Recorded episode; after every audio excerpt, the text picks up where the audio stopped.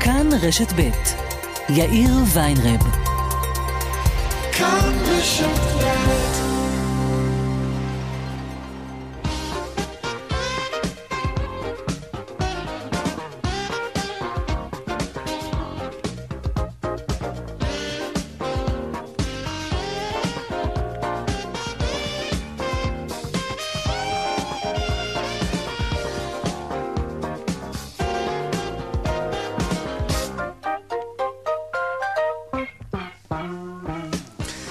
ארבע וחמש דקות ועוד שמונה עשרה שניות, כאן צבע הכסף ברשת ב', יום שלישי, שלום רב לכם.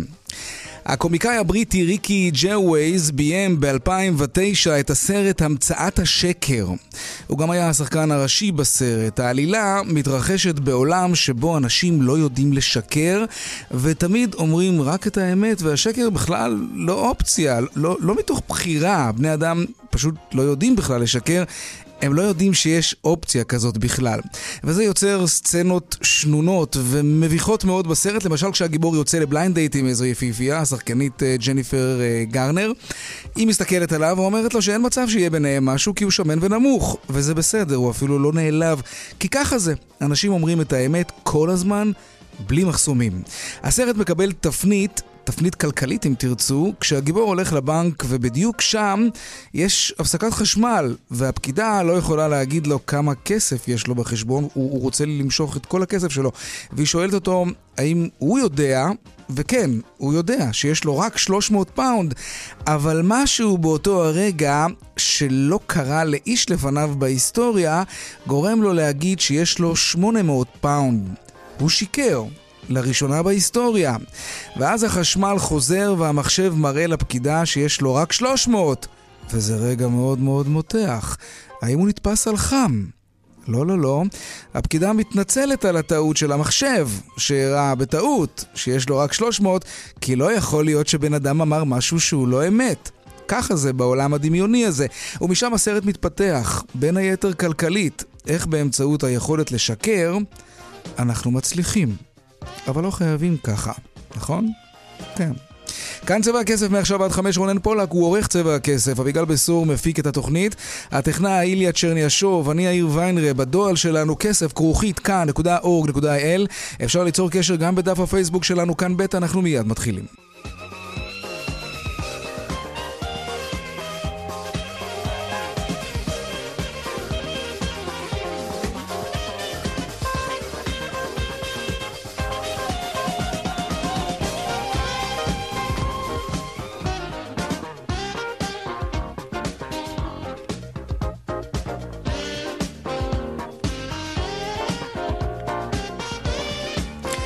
טוב, עוד לפני כותרות אה, צבע הכסף, אה, בית המשפט התיר לפני אה, זמן קצר לפרסם, אהרון רמתי, מנהל סמינר באר מרים בירושלים, הוא החשוד שניהל כת והחזיק נשים וילדים בתנאי עבדות. שלום ורד פלמן, כתבתנו.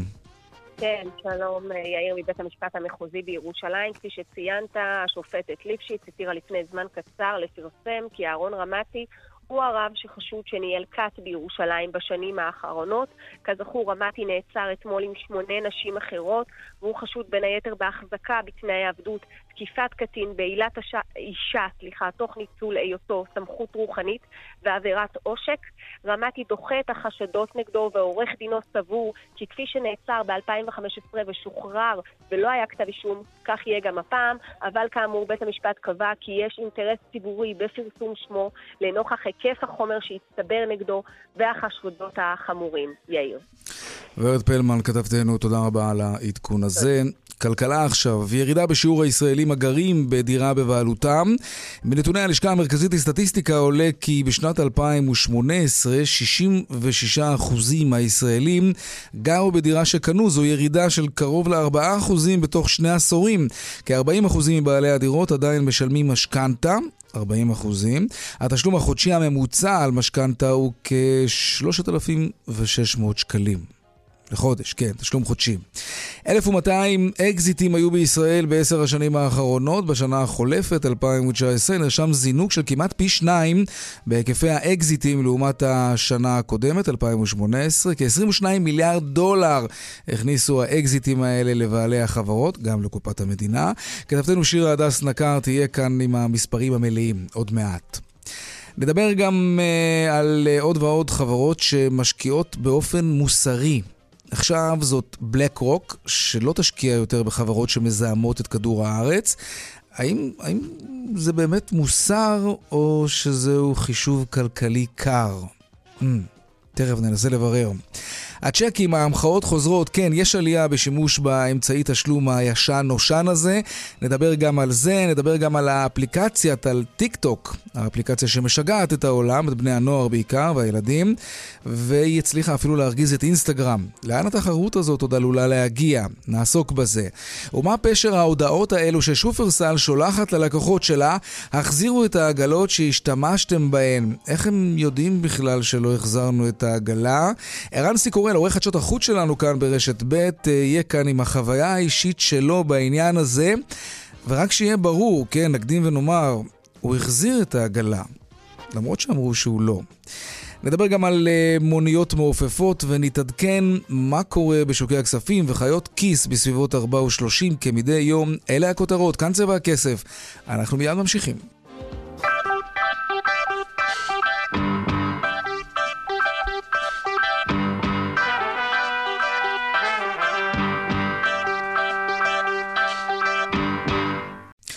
נדל"ן עכשיו, ירידה בשיעור הישראלים שגרים בדירה בבעלותם, אמרנו קודם בכותרות, שלום עמית תומר, כתבתנו לענייני כלכלה. שלום יאיר. מה אנחנו אמורים להבין מהנתון הזה, ונדבר גם על נתונים אחרים נוספים כמובן. אה, לא שמעתי על איזה נתון אמרת. על ירידה בשיעור הישראלים שגרים בדירה בבעלותם. אוקיי, בסדר כן. גמור. אז uh, קודם כל, אנחנו לא צריכים כמובן את הלשכה המרכזית לסטטיסטיקה כדי לדעת שלא קל לרכוש דירה בישראל עם mm-hmm. הדיור הגבוהים, רבים מרגישים את על בשרם, אבל מהנתונים שהלמ"ס מפרסמת היום, נראה שהמצב רק הולך ומידרדר. ב-2018 רק לכ-66% מהאוכלוסייה הייתה דירה בבעלותם, לעומת יותר מ-70% ב-1997, לפני שני עשורים.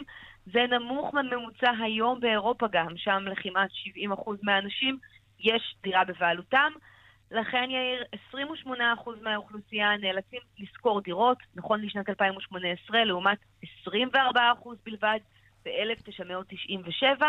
וגם אם יש לכם אה, דירה, אתם אה, מה-60 אה, ומשהו אחוז שבמצב טוב, זה כמובן לא, כן. לא, הם לא נפרדים מסכומי כסף מדי חודש. הדרך mm-hmm. היחידה של רבים לקנות דירה היא באמצעות לקיחת משכנתה. לפי הנתונים, כמעט 40% ממחזיקי הדירות הם משלמי משכנתה, ובממוצע מחזירים לבנק בכל חודש כ-3,600 שקלים.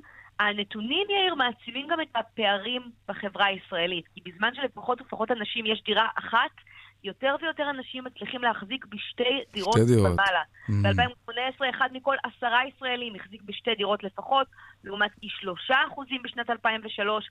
לשני אחוז מהאוכלוסייה, יותר מ-50 אלף משקי בית, יש שלוש דירות או יותר. למרות שניסו בית... לצמצם את מספר אה, בעלי הדירות, מיסוי וכל מיני קשיים אחרים, אבל נכון, זה כנראה לא משפיע. נכון, אבל הממשלה האחרונה שהושבעה פה, זה כבר מרגיש מזמן, כן. ניסה לקדם את מס דירה שלישית, מס מוגדל למי נכון. יותר משתי דירות, אבל בג"ץ פסל את החקיקה בגלל הצורה בה הוא עבר, וזה הפך להיסטוריה.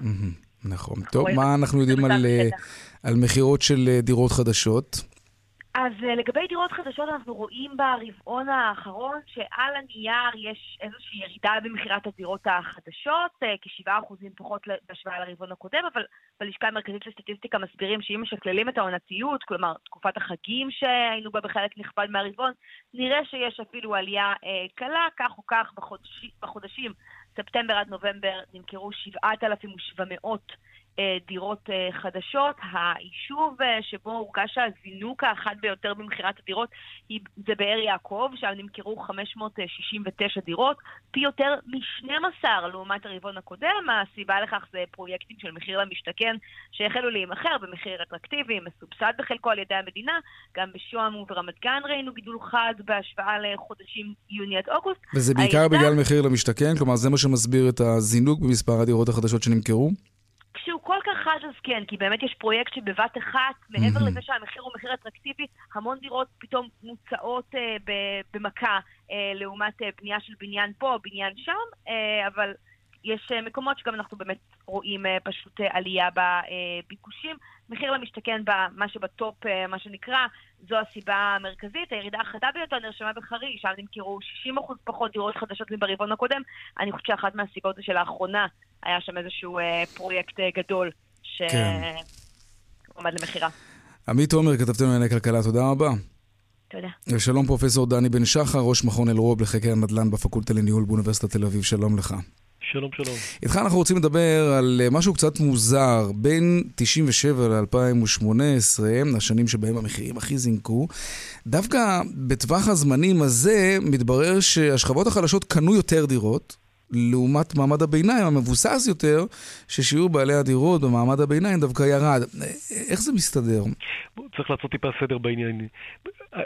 דבר ראשון שיהיה ברור, העשירונים התחתונים, ובפרט העשירון התחתון, כן. שיעור ההחזקה שלהם, שיעור הבעלות שלהם בדירות הוא הנמוך ביותר כמובן mm-hmm. באוכלוסייה, ושיעור ההחזקה עולה עם העלייה בעשירונים. Mm-hmm.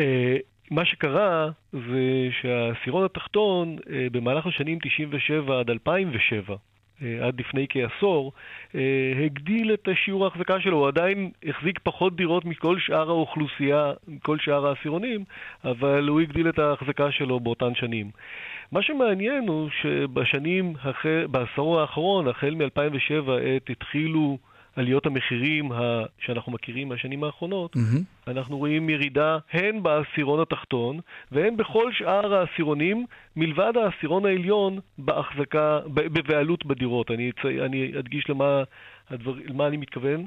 כלומר, כל העשירונים בישראל, מלבד העשירון העליון, אה, פחת שיעור ההחזקה שלהם, כולל העשירון התחתון, פחת שיעור ההחזקה. שלהם אה, בדירות בבעלותם. אז זה לא יהיה נכון לומר שדווקא החלשים הצליחו לרכוש יותר דירות מאשר החזקים בשנים האחרונות. בש... בוודאי ובוודאי לא בשנים האחרונות. המגמה היא מאוד ברורה אה, החל משנת 2007 של ירידה בבעלות אה, ההחזקה בדירות. כלומר, הממצאים, אם יורדים לעובי הקורה, אנחנו רואים את המגמה אה, שאנחנו עוקבים אחריה כבר שנים כן. רבות. אגב, גם מכון אלרוב עוקב אחריה במדד היכולת לרכוש דיור, והמדד שלנו מראה, כמו נתוני הלמ"ס, ש...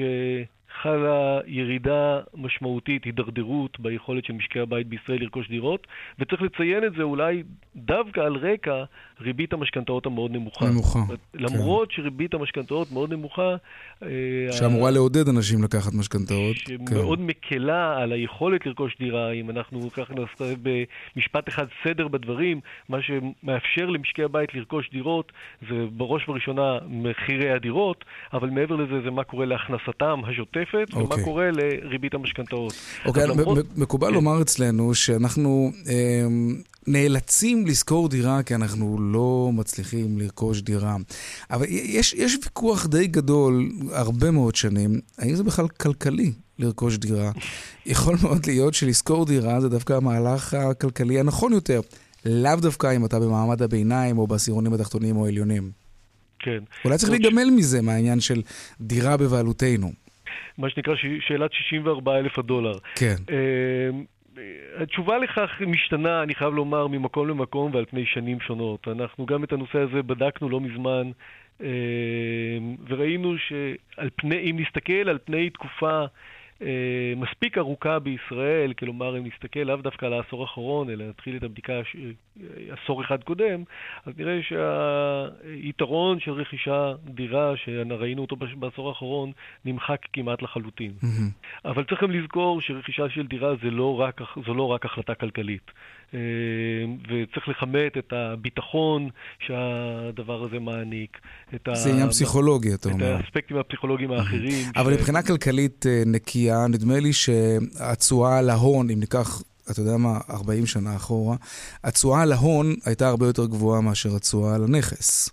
אנחנו צריכים לבדוק את התשואה על נכס הנדל"ן, אם במקרה של רכישה, לעומת האלטרנטיבות, מה, מה המשק הבית עושה עם הכסף mm-hmm. כאלטרנטיבה. כן, לא, בהנחה כמובן שיש לך כסף זמין ונזיל, אתה מחליט לסגור אותו עכשיו ל-25 שנה באיזשהו מדד בבורסה, או, או משהו. אפילו סולידי עם, עם סיכון נמוך יחסית, ולראות מה זה עושה ב-30-40 שנה, לעומת מה יעשה הנכס שלך מבחינת עליית מחירי הדיור. בדיוק. Mm-hmm. ואנחנו, התמונה בהקשר הזה היא מאוד ברורה, היא ודי חוזרת על עצמה בעולם. אנחנו רואים שעל פני תקופה מספיק ארוכה, אה, שוק המניות, גם אם נערב אותו 50% מניות ו-50% אגרות חוב, כלומר השקעה סולידית יותר, אה, כמעט תמיד מעניק למשקיע אה, תשואה גבוהה יותר משוק הנדל"ן. כן, למרות מה אה, שראינו לפני עשר שנים. אבל, אבל אולי, אני, אולי צריך להגיד מילה אחרונה בהקשר כן. הזה, אם אתה כבר שואל את השאלה הכלכלית, אני חושב שהתשובה...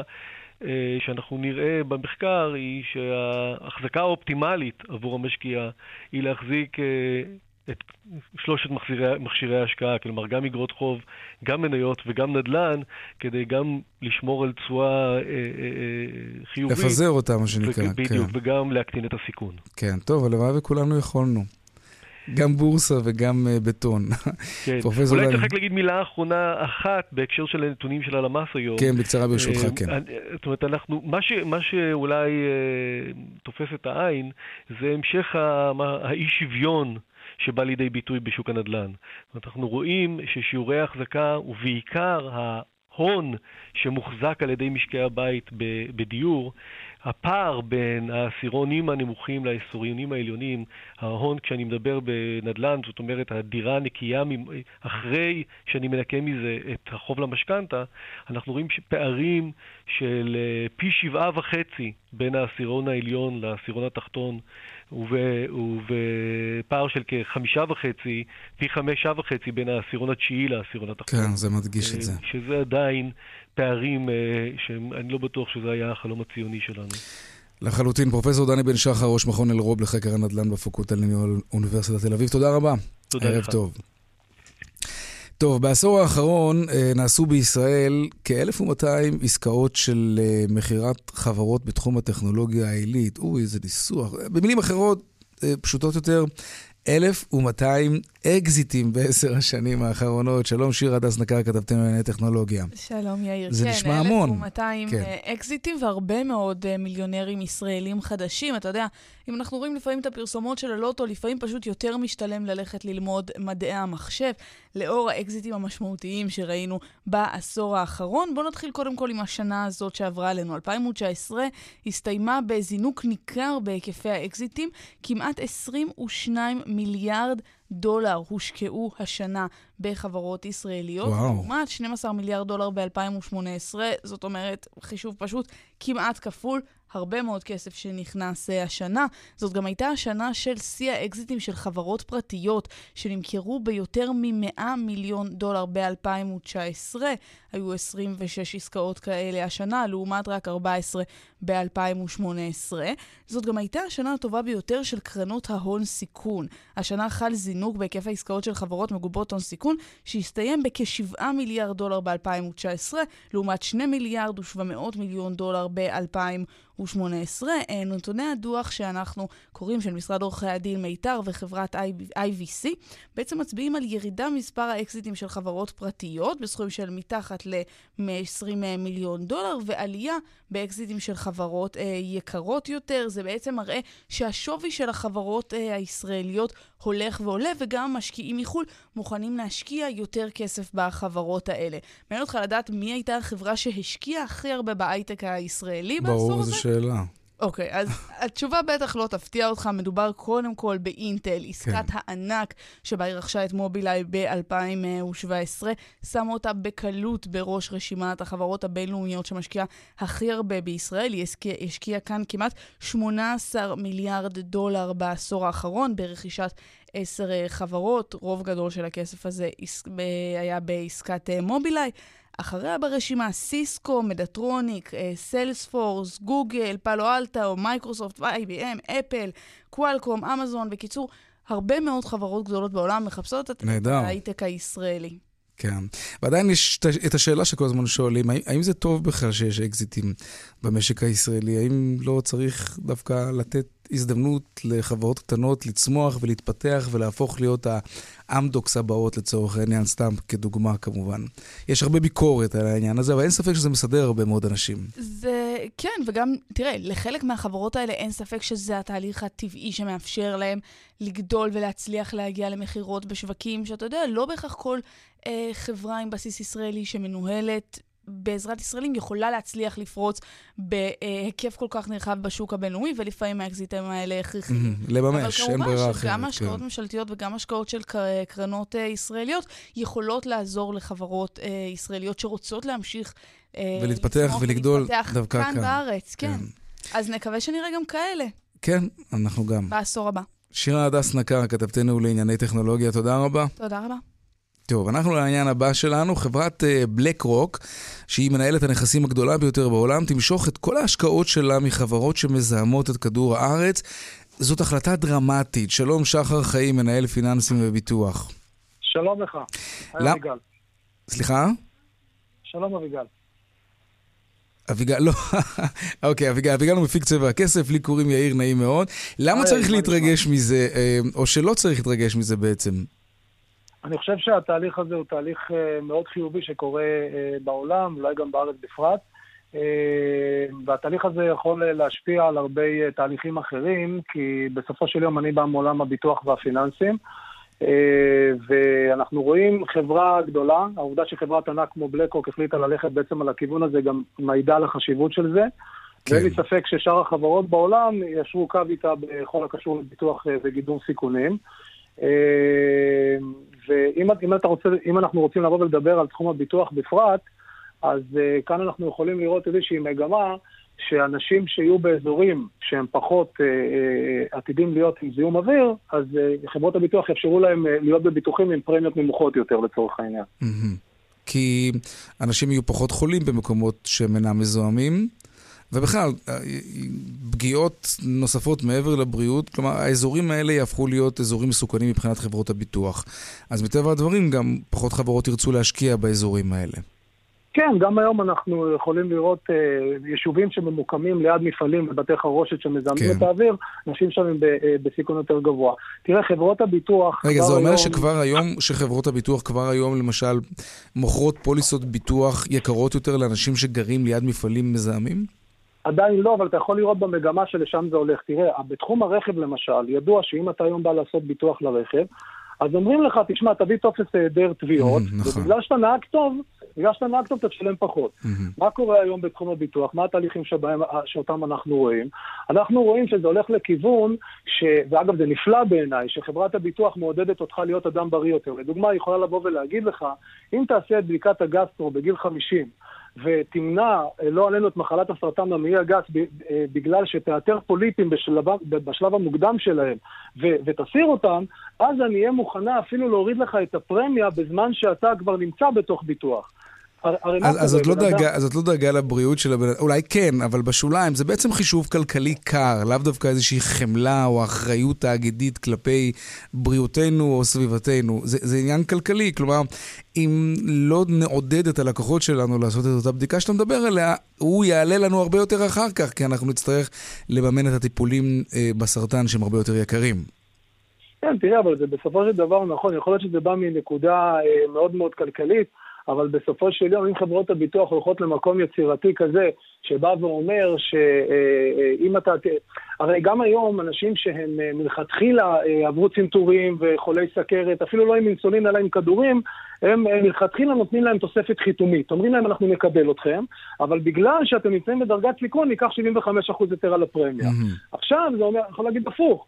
אם אתה תשמור על אורח חיים טוב אחרי שהתקבלת אפילו, אז אני אפילו אפחית לך את הפרמיה. ואם אנחנו רוצים ללכת לתחום של uh, זיהום האוויר, אז זה בדיוק אותו דבר, כי אם חברות הביטוח יבואו ויגידו, אני אקח את זה גם על בסיס אזורים, גם על בסיס רמת הסיכון באזור שבו אתה נמצא מבחינת, מבחינה אקולוגית, זה יעבוד, זה יכול לעבוד בדיוק אותו דבר לצורך העניין. אוקיי, okay, אבל בוא נשים רגע את העניין הביטוחי בצד. חברה כמו חברת רוק, אמ, שהיא מושכת את ההשקעות שלה מחברות שמזהמות. אנחנו מסתכלים למשל על מנהיג העולם החופשי, הנשיא דונלד טראמפ, איך הוא מזלזל בעניין הסביבתי. וללא אמריקה לא באמת יקרה כאן משהו דרמטי, גם אם אירופה תעמוד על הראש ותנפנף באוזניים. ועם כל הכבוד, משקיעים רוצים לראות שתיק הנכסים שלהם עושה תשואה טובה. אז uh, בשיחות סלון זה נחמד, uh, מדברים על uh, גרטה טונברג, וכן, וזה נורא, וזיהום אוויר וכולי, אבל תיק השקעות נמצא אי שם, אצל מנהל השקעות, שצריך לעשות לי תשואה, ולמי באמת אכפת? כלומר, בלק רוק אולי מונעת ממנה, מעצמה, לא מעט תשואה ורווחים בגלל שהיא מושכת את ההשקעות שלה. מה הכוונה מונעת מעצמה? זאת אומרת, לאן אתה מכוון? כלומר, אם היא לא תשקיע עכשיו בחברות שמזהמות, יכול להיות שהיא מפסידה גם כסף, כי החברות האלה אולי מזהמות, אבל לא יקרה לחברות האלה שום דבר. הם ימשיכו לעשות כסף.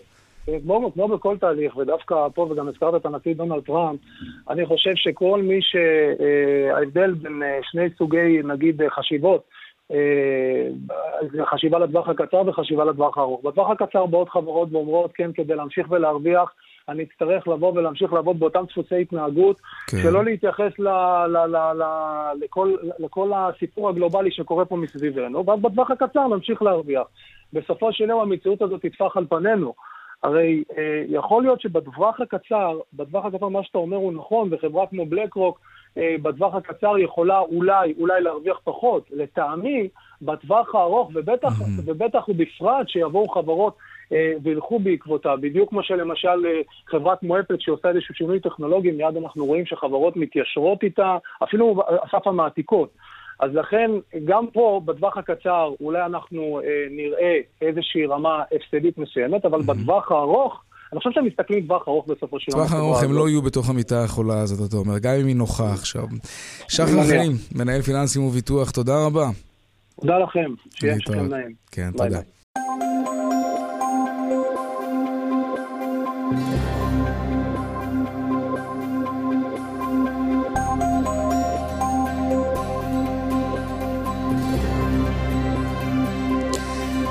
איילון צפון העמוס ממחלף חולון וקיבוץ גלויות עד גלילות, דרומה ממחלף רוקח עד לגוארדיה, ובדרך שש צפון העמוס ממחלף נשרים עד בן שמן, ממחלף נחשונים עד מחלף חורשים, וממחלף אייל עד ניצני עוז, בגלל משאית שתקועה שם.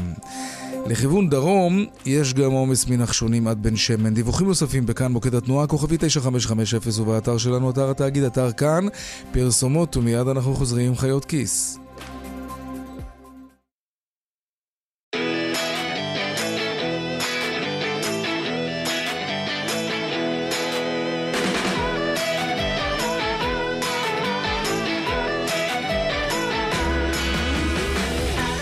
35 דקות אחרי השעה 4, חיות כיס עכשיו, אתם שואלים, וחיות כיס עונות, ואפשר לשאול בטוויטר, האשטג חיות כיס ללא רווח, אבל אפשר גם בדואר שלנו, כסף, כרוכית, כאן.org.il.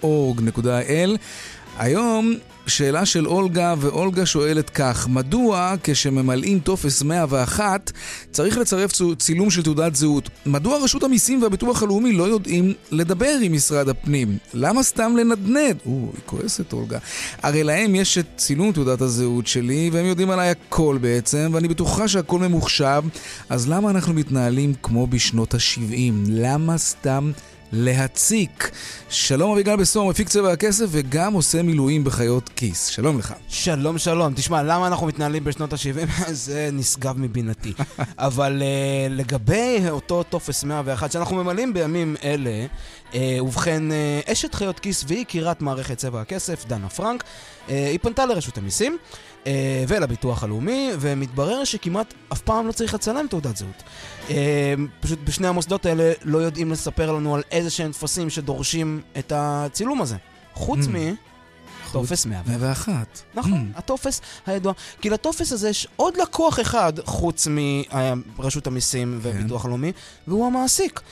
אה, למעסיק גם יש אגב צילום של תעודת זהות. נכון, כי כשאתה מבקש כן. להתקבל למקום העבודה, אתה ממלא פרטים, אבל זה חלק פרוצדורלי, לך תסביר. אוקיי. אה, בעבר, אכן היו הרבה הזדמנויות לצלם את תעודת הזהות שלנו, כשביטוח לאומי, למשל, נמסר לנו, שמקיימים שותפי פעולה קבועים עם משרדי הממשלה, כולל משרד הפנים, בתי חולים, עיריות, חברות חשמל וכו' וכו' וכו'. אז למה לא שלא ישלחו להם איזה קובץ סרוג של תעודת הזהות? מה, למה להציג? כן, וכל זה פשוט, בכל המקרים האלה פשוט לא צריך צילום תעודת זהות.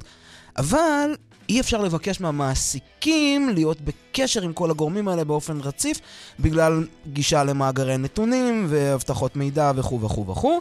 אה, ולכן, כשממלאים את טופס המאה ואחד המפורסם, אה, צריך לצרף, לצרף אה, צילום תעודת זהות, כדי שלמעסיק שלנו יהיה את הפרטים המופיעים בספח, כמו כתובת, mm-hmm. אה, פרטי ילדים, אה, ועוד סטטוס, כל מיני פרטים, סטטוס, כן. ועוד כל מיני פרטים שבעצם משפיעים על חבות המס שלנו. איזה מילה מוזרה זאת חבות מס. ממש, לא הייתי משתמש בה אפילו. נכון. נו שוין, כמו שאומרים אצלנו. שכוייך. שכוייך. אביגל בסור, מפיק צבע הכסף, וגם מילואימניק בחיות כיס. אמן. תודה. תודה לך.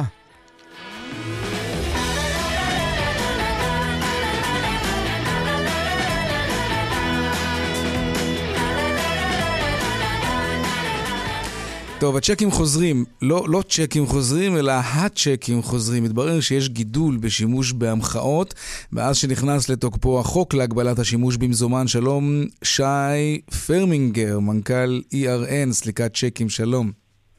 שלום, שי פרמינגר, מנכ"ל ERN, סליקת תשלומים. שלום, שלום. דווקא סיפרו לנו שההמחאות ייעלמו מתישהו מהעולם ככל שיתפתחו אמצעי התשלום הדיגיטליים המשוכללים. אז לא? יש, יש אפילו קאמבק? קודם כל בואו נסתכל קצת על הנתונים לפי נתוני בנק ישראל, 950 מיליארד שקל היקף השימוש בשנת 2018 אה, וזה מה שמסתמן גם ל-2019. הנתונים אה, לפי נתוני בנק ישראל לצ'קים וסך השימוש בכרטיסי אשראי 330 מיליארד שקל.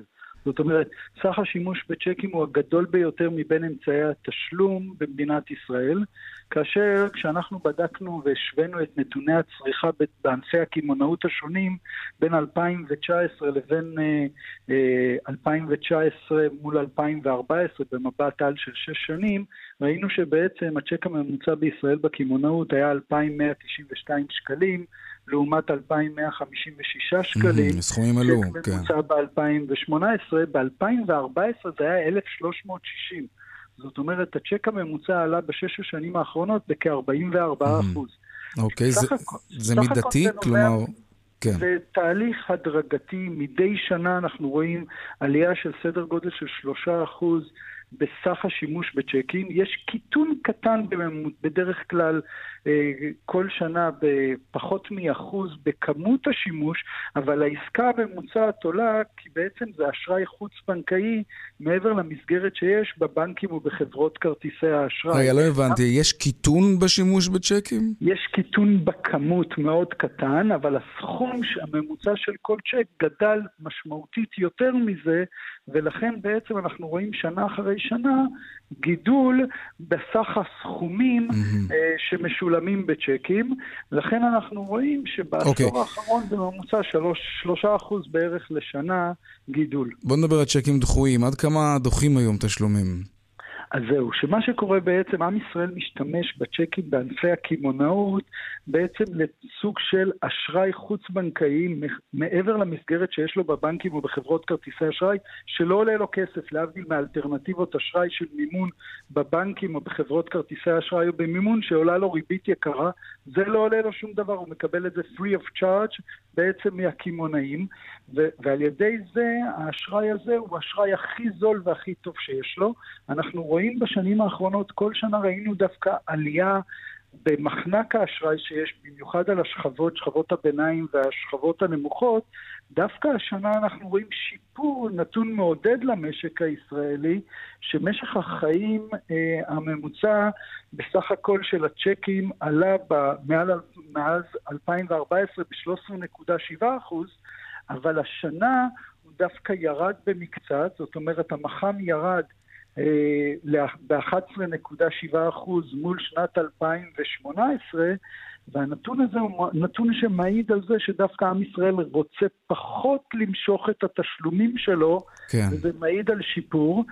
אולי נושא נוסף שמתקשר לזה, זה פתרון שאנחנו ב-ERN הבאנו, מוצר דיגיטלי שבעצם אה, הוא כמו הצ'קים, הוא נותן אפשרות לאשראי חוץ-בנקאי, אבל עשינו מוצר דיגיטלי שנמצא כבר באלפיים בתי עסק, שאנחנו קוראים לו הוראות קבע בסלולר, בעסקאות קמעונאות, ועל ידי המוצר הזה, גם, גם לקוחות שאין להם כרטיסי אשראי וגם כאלה שיש להם כרטיס אשראי אבל עם מסגרת אשראי מוגבלת, יש להם פתרון חדשני לשלם באופן דיגיטלי אה, הכל באמצעות המכשיר הסלולר, על ידי הוראת קבע בנקאית, אה, שבעצם... אה, שזה כמו צ'ק בעצם.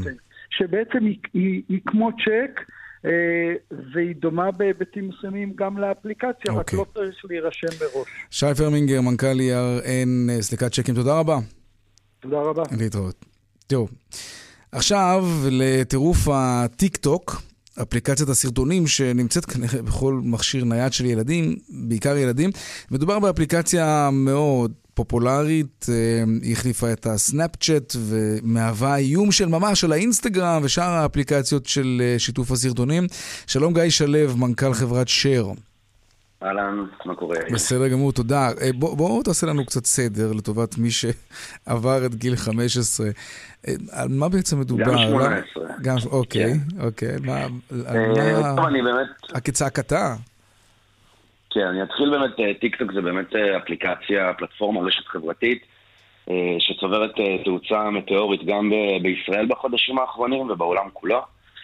אה, מדובר בעצם על פלטפורמה אה, שנותנת לך אופציה להעלות תכנים של וידאו. זה תכנים אה, מאוד מאוד קצרים, מ-15 שניות עד דקה במקסימום. נו, אבל גם אינסטגרם עושה את זה, אז מה, למה זה חדר כל כך מהר? שנייה, אני אסביר, אני אוקיי. אסביר, ותבין הכל.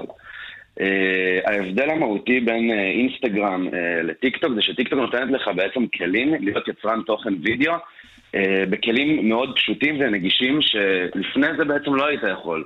בשביל להגיע ל, ל, לאיכות וידאו ולסוג עריכות שיש היום בטיקטוק, אתה בעצם היית צריך אה, לעבוד עם כל מיני תוכנות עריכה ודברים mm. שהם יותר מורכבים והם יותר מותאמים לאנשי מקצוע. טיקטוק בעצם מנגישה לך את יכול, יכולת ייצור התוכן אה, בכמה קליקים, בעצם אתה לא צריך להבין בעריכת וידאו בשביל לעשות סרטון ויראלי בטיקטוק, בשביל להשתמש בפיצ'רים של טיקטוק, mm-hmm. בעצם היא נותנת לך one stop shop של יצירת תוכן אה, וידאו ויראלי, עם המון המון אלמנטים של עריכה.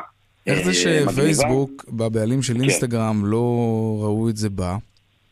ועכשיו הם מנסים להדביק איכשהו טכנולוגית את היכולות, הם מפחדים. כן, אז, אז אינסטגרם ופייסבוק כמובן זה גוף שהוא אין לו, הוא ללא הגבלת משאבים באמת, אבל בסופו של דבר, אה, הם כל אחד אה, בעצם פועל באסטרטגיה שלו וב roadmap הטכנולוגי שלו, עם הפיתוח פיצ'רים שהוא חושב, שנכונים לצרכנים שלו. אה, ספציפית פה הם לא פעלו במגזר הזה של לתת בעצם כלים של עריכות אה, וידאו אה, נוחים ונגישים ופשוטים ליוזרים. ופה בעצם זה, זה מה שהתפספס, כי בסופו של דבר אתה, בוא נגיד שפייסבוק ברגע שהם מחליטים, אם אתה זוכר גם את, ה, את מה שהיה בכל הנושא של הסטוריז, אם אתה זוכר סטורי בעצם התחיל בכל הפלטפורמה של סנאפצ'אט. כן. סנאפצ'אט בזמנו באמת צברה תאוצה, פייסבוק נתנו להם הצעה לרכישה, סירבו. ובעצם ברגע שהם הבינו שהדבר הזה אה, בא על חשבון היוזרים שלהם באינסטגרם, הם בעצם פשוט הכניסו והטמיעו את הפיצ'ר הזה. Mm-hmm. שכמו שאתה יודע, היום זה הפיצ'ר היום, נכון. שצריכת התוכן נמצאת שם הרבה יותר גם אה, כן. ברמת הפיד.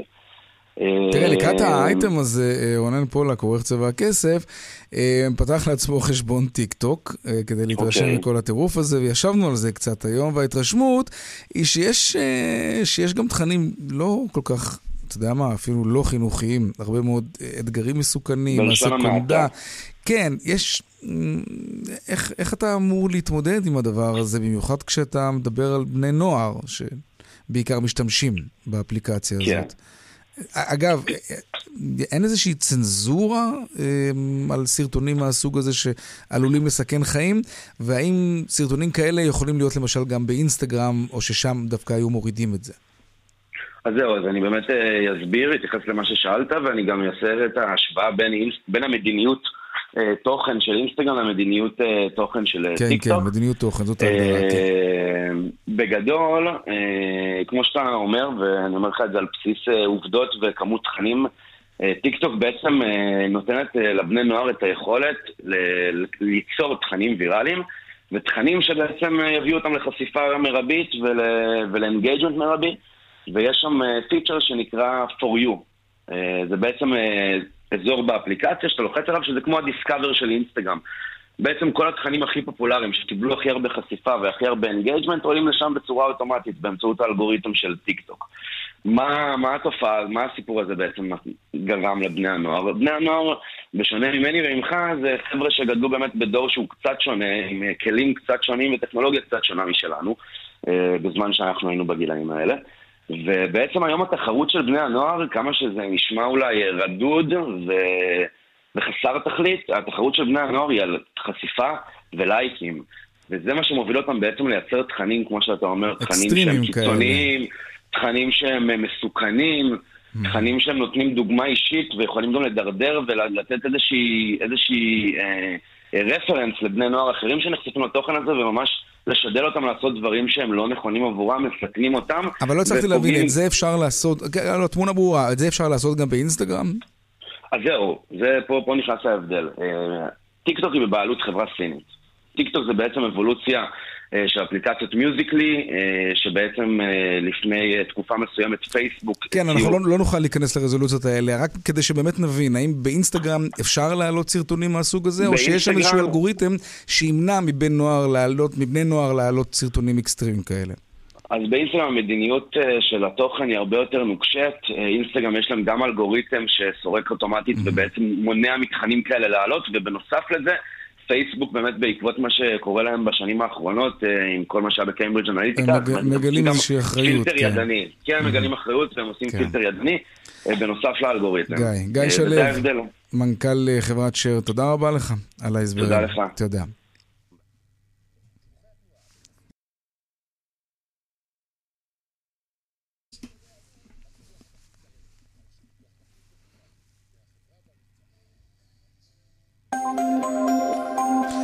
בדרך החוף צפון העמוס משפעים עד מחלף גשר השלום בנתניהו, ובהמשך ממחלף חבצלת עד מכמורת בדרך ירושלים תל אביב.